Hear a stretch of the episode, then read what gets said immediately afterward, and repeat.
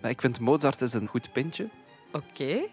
En dan heb je Beethoven, is misschien al een iets zwaarder bier. Maar eh, Brahms, goh, Waar is dat dan? ik denk een Een trappist. kater. Ah nee. Een trappist van 12 graden, jaren gerijpt op houten vaten of zo. Heel, heel intens van smaak. En dan Mozart, een licht pintje. Hij zou het niet graag horen.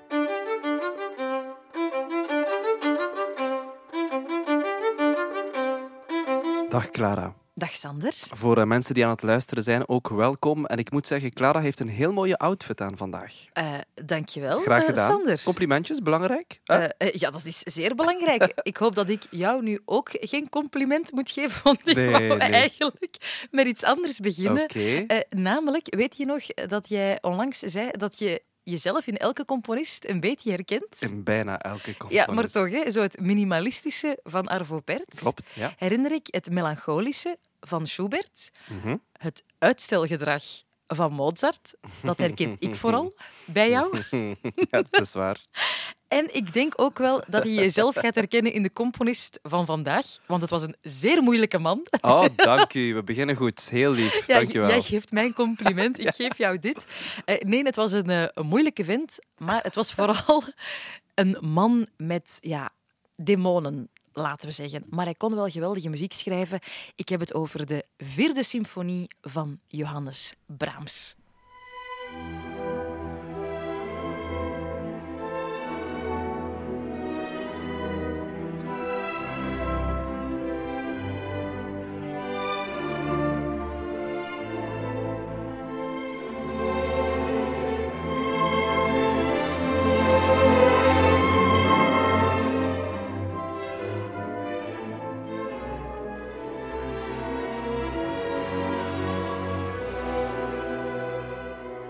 Johannes Brahms. Geen gemakkelijke man, maar hij kon wel prachtige muziek schrijven en hij had ook een prachtige baard. Ja, iets dat jullie niet gemeen hebben, want je hebt geen baard. Ja, nog niet, hè, Clara? Hoezo? Want plots heeft Brahms zijn baard laten staan. Hij dacht, ik moet serieus genomen worden. En dan heeft hij zijn baard laten staan. Ja.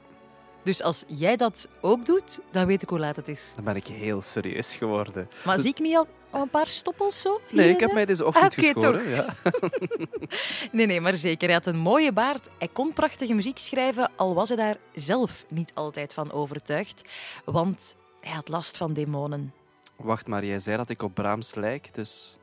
Ja, dan denk ik, ja, jij hebt misschien ook last van demonen. Mhm. Maar ik bedoelde vooral, Brahms was zeer, zeer streng en kritisch voor zichzelf. Was een zeer grote perfectionist. En daar heb jij soms toch ook wel een beetje last van. Ik voel een verdoken compliment. Eh, zo kan je het ook beschouwen, ja. Ja, eigenlijk wil je gewoon zeggen, Sander, je bent een moeilijke vent, maar je bent perfectionistisch. Ja, oké, we gaan het in het midden laten.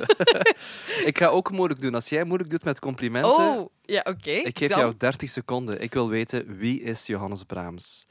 De tijd gaat nu in. Johannes Brahms, geboren in 1833 in een zeer arme wijk in Hamburg. Zijn moeder was kleermaakster, zijn vader was cafémuzikant. En toen Brahms 13 was, begon hij ook in cafés piano te spelen, maar ook in bordelen. En hij begon ook steeds meer te componeren, tot grote ergernis van zijn ouders en zijn leerkrachten. Gelukkig ontmoette hij op zijn twintigste Robert en Clara Schumann, twee componisten die heel veel voor hem hebben betekend. Maar hij had dus ook heel veel last van zijn innerlijke demonen. En dat kwam vooral door zijn voorganger Beethoven, want door hem Ta-ta-ta-ta. Tadadada. Ja, werd Brahms soms bijna verlamd. Dat hij niet durfde componeren door ja, die continue vergelijking met Beethoven. Pure stress eigenlijk. Van, ik weet niet waar ik naartoe moet, dus ik, ik, ik verlam helemaal. Ik Ja. weet niet wat ik moet schrijven. En wat wil je? Beethoven is gestorven in 1827. 27, ja. Ja, Brahms die werd zes jaar later geboren, dus je zou denken, daar zit toch al wat tijd tussen. Maar nee, Beethoven werd echt nog altijd beschouwd als het grootste genie ooit. Mhm. Ook ja, Bach en Mozart waren lang nog niet vergeten. Ja. Dus big shoes to fill en dat verlamde Brahms echt vaak. Je voelt dat wel, vind ik. Dat Brahms bijna geboren is met een, een soort van eh, boodschap van jij moet de nieuwe Beethoven worden. Die, die verwachtingen waren daar. Ja, maar dat zei Robert Schumann dus ook letterlijk. Jij bent de nieuwe Beethoven. Dus de verwachtingen lagen zo hoog dat Brahms alleen maar schrik had om teleur te stellen. Gelukkig heeft hij zich daar op een bepaald moment wel kunnen overzetten. Het heeft wel tientallen jaren geduurd, maar oké. En eh, je hoort ook dat hij steeds meer loskomt van Beethoven en van zijn andere voorgangers. Zeker in zijn laatste symfonie, zijn vierde symfonie, schreef hij in 1885 en toen was hij al 52.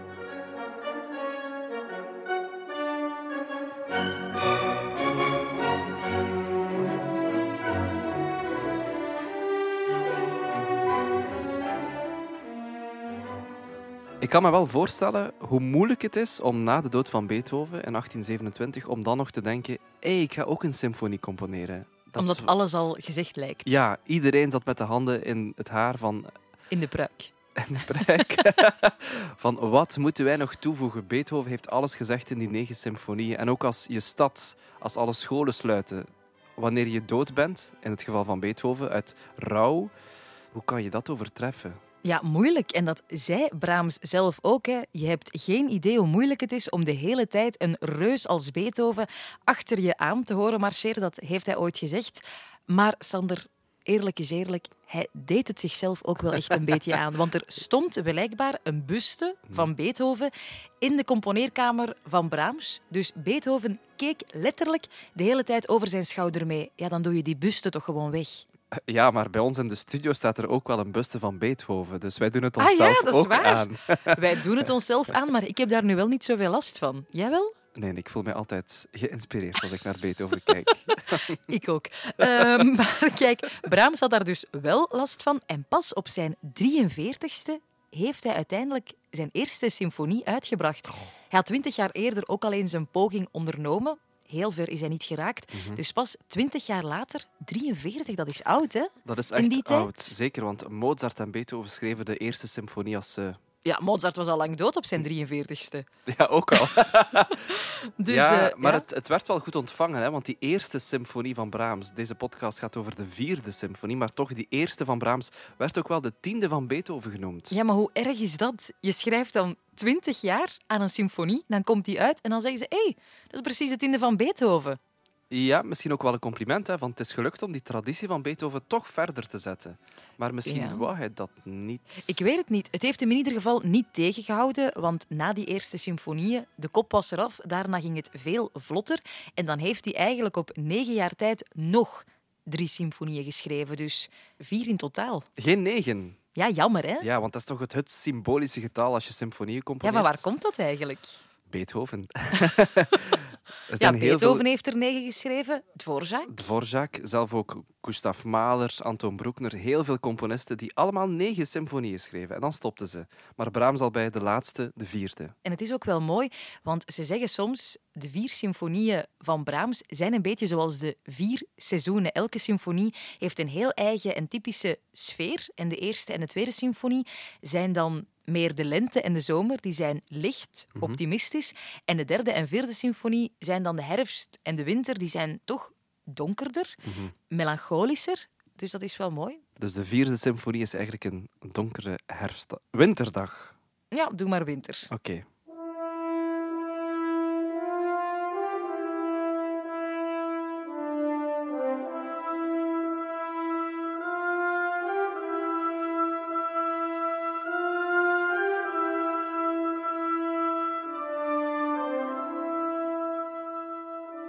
Wat ik mij wel echt afvraag als ik dit hoor, hoe begin je daaraan? Ik stel me dan voor, Brahms die zit aan zijn componeertafel of aan zijn piano terwijl hij dit aan het schrijven is en die zegt dus van oké, ik begin met de horen, dan komen de houtblazers erbij, dan de strijkers, dan de blazers, maar hoe klinkt dat in zijn hoofd? Hoe weet hij dat dat gaat werken? Daarvoor Ja. moet je toch bijna schizofreen zijn om al die stemmen zo in je hoofd te kunnen horen en samenbrengen?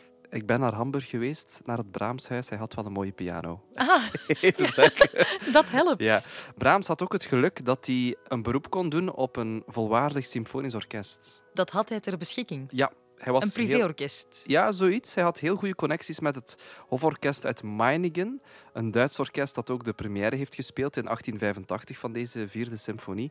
waren heel professionele muzikanten, 49 in totaal. En eigenlijk als Brahms een idee had, Dan kon die dat gewoon- gewoon even uittesten. Ja, van eh, dag iedereen, ik heb hier een, een, een melodie in de cello's. Ik wil eens horen hoe dat klinkt als fluiten dit Maar ja, dat is een mega voordeel. En zo ga je natuurlijk supersnel vooruit. Beethoven had ook die luxe. had een orkest van een rijke mecenas in Wenen. Stel je voor, die had ook een orkest van een 20, 25 muzikanten. Dan kan je gewoon alles wat je dus hoort in je hoofd even uittesten, nog eens Ja. wat bijschaven. En Anders moet je aan de piano zitten en weten, ah, de hobo gaat ja, van zo hier is het tot gemakkelijk. Zo en kan ik misschien ook een symfonie schrijven. Ik daag je uit. Wel, challenge accepted. ik vraag mij vooral af, welk soort bier is Brahms? Bier. Ja, Dat moet je aan mij niet vragen. Ik drink geen bier, maar waarom? ik vind Mozart is een goed pintje. Oké. En dan heb je Beethoven, is misschien al een iets zwaarder bier. Wat is dat? eh, een duvel? Ja, geen idee, zoiets, ja. Ah, ja. Duvel of een Westmalle. Oké. Of Orval. Mooie Ja, kleuren. je bent mij al kwijt, hè, Ja. Sander. Maar, eh, Maar eh, Brahms, goh, waar is dat dan? ik denk een Een trappist. kater. Ah, nee. Een trappist van 12 graden, jaren gerijpt op houten vaten of zo. Heel, heel intens van smaak. En dan Mozart, een licht pintje. Hij zou het niet graag horen.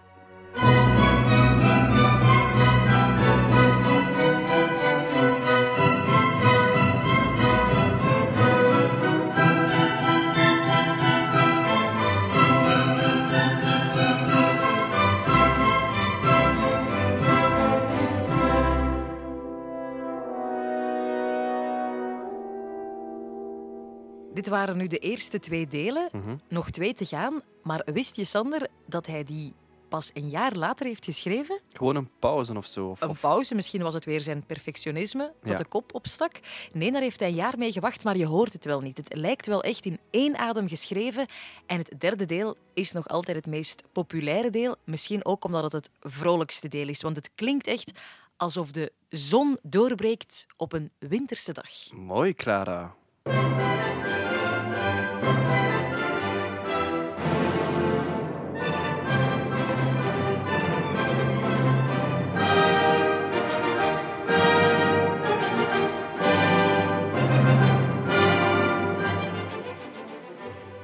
En bij de première, het publiek was zo enthousiast na dit deel dat het publiek meteen vroeg of dat ze het nog eens konden spelen, het orkest. Maar het was Brahms zelf die de première dirigeerde en die voelde zich zeer gevleid, maar hij zei toch nee, dat gaan we niet doen. Ah, de, Ik zei toch, een moeilijke man? de koppige Brahms. Echt, allee. Ja, maar ik denk deel 3 klinkt zoals het klinkt. Die zon die erdoor komt, door wat er voor en erna te horen is. Ik denk vooral, Sander, dat het echt een koppige vent was. Maar ook wel een creatieve vent. Want het is een van de enige momenten dat Brahms een triangel gebruikt. In Een dit, triangel? in dit derde deel. Klaar voor? Oh my, ik had die zelfs nog nooit gehoord. Het is eh, precies een oude telefoon. Afgaat. Hallo, met Brahms.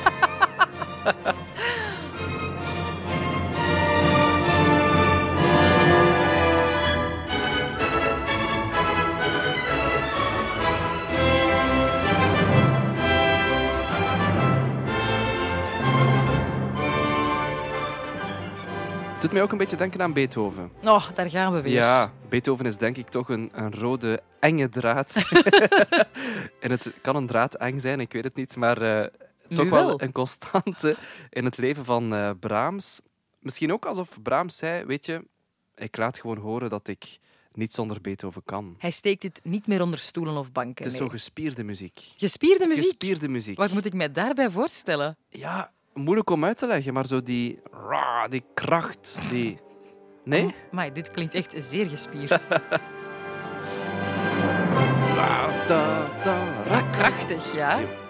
Bam, nu. Ah, nee. Da. Maar hier krijg ik schrik van, hoor. Ik zie bijna Beethoven in reuzenstappen binnenkomen. Ik dacht dat je nu ging zeggen... Ik zie nu Beethoven bijna in de fitness met gewichten. Zo de Hulk Beethoven. Zo'n Brahms. Veel fantasie, hoor, Sander. Brahms. Je hebt een nieuwe symfonie geschreven. Beethoven het goed. die opstaat uit de dood. Ja. Ga je eigen weg, Brahms.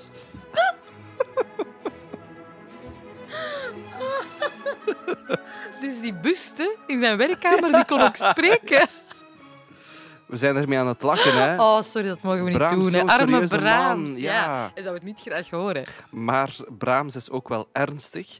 En dat horen we in het laatste deel uit die vierde symfonie, toch? Ja, want dat is eigenlijk ook weer een hommage. We hebben al een ode aan Beethoven gehad, maar er was nog een B waar Brahms, al die B's, ook heel veel respect voor had. En dat was Bach, natuurlijk.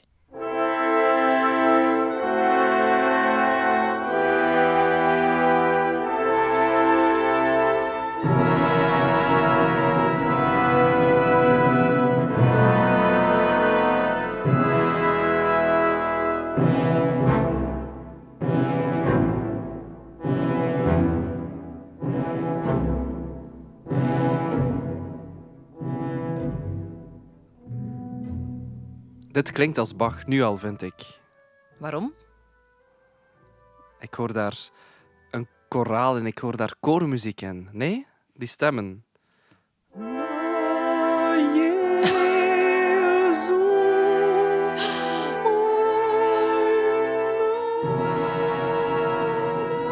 Nu hoor ik het ook, ja. Daar zit een Bachwending in. En het is ook een ode aan echte oude barokke muziek. Vlieg maar naar de alarmknop, want het laatste deel is geschreven in een barokke vorm, in een passacaglia. In een eh passa... Wat? Passacaglia. Passacaglia is eigenlijk het herhalen van een baspatroon. In dit geval acht akkoorden die continu herhaald worden. En Brahms die schrijft daar dertig variaties op. Dus eigenlijk horen we dertig keer iets anders, gebaseerd op altijd dezelfde akkoorden. Dus eerst krijgen we het schoolse voorbeeld van dames en heren. Dit zijn de acht akkoorden die continu herhaald zullen worden, heel subtiel.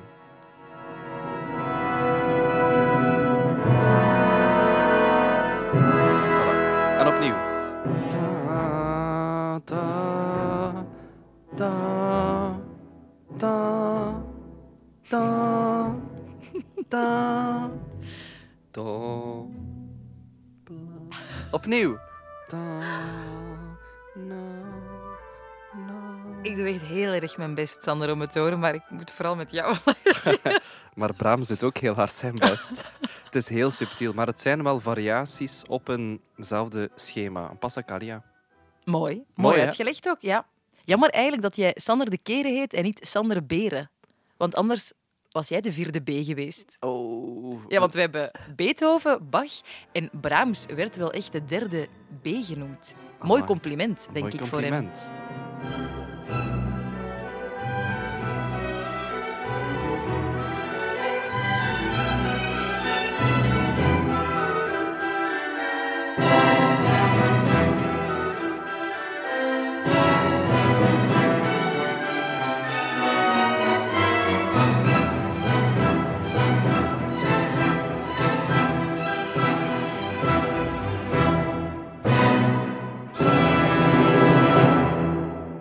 En kijk, het is gedaan.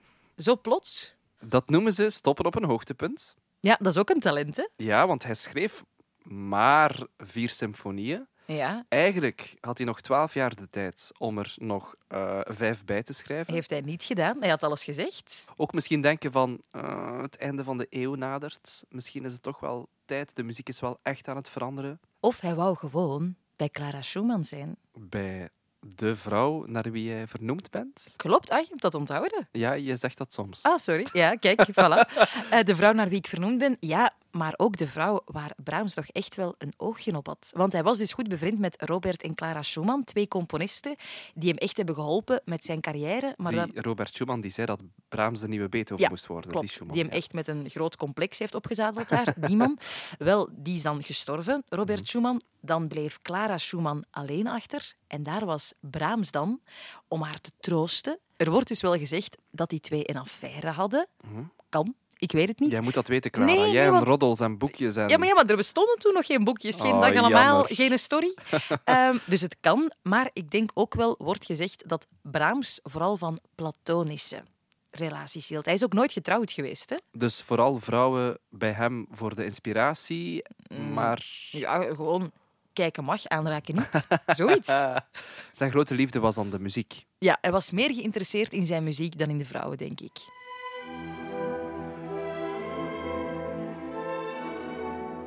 Clara, Johannes Brahms is eigenlijk de Otto Lengi van de 19e eeuw. De Ottolenghi. Je hebt honger of zo? Ik heb honger, maar jij weet wie Otto Lengi is? Ja, natuurlijk. Dat is mijn favoriete chef. Uh, een Brits-Israëlische chef. En wat doet hij?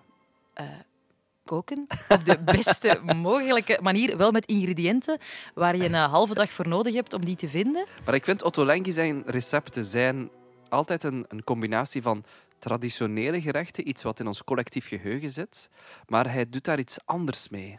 Hij voegt daar dingen aan toe. We zijn ook een nieuwe generatie, een nieuwe tijd. Dus hij denkt het oude behouden, maar toch iets nieuws aan die gerechten toevoegen. Ja, dat is wel waar, want ik ben Sander, onlangs in Londen geweest en ik ben daar bij Otto Lengi gaan eten.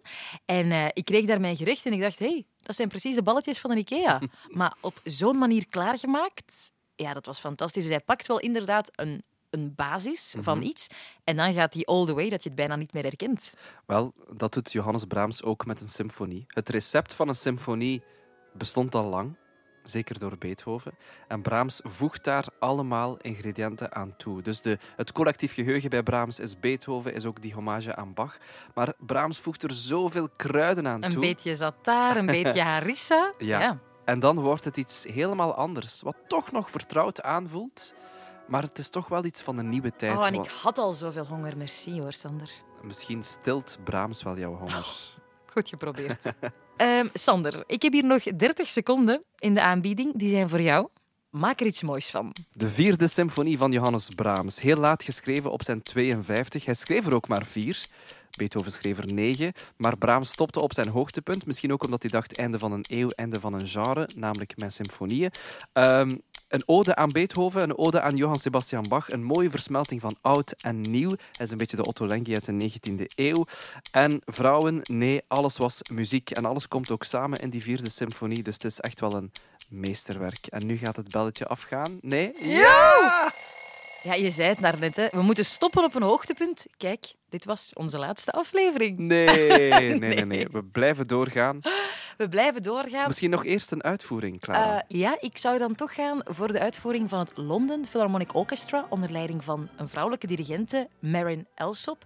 Een zeer straffe madame en een zeer goede dirigente. Dus als Brahms niet voor de vrouwen kiest... Dan doen wij het. Dan doen wij dat, Marin Elsop. Leuke keuze. Ja. Volgende week... Is het jouw keuze? Wat wordt het dan? Ik kan het heel kort zeggen. Iets helemaal anders. Tot volgende week. Tot dan.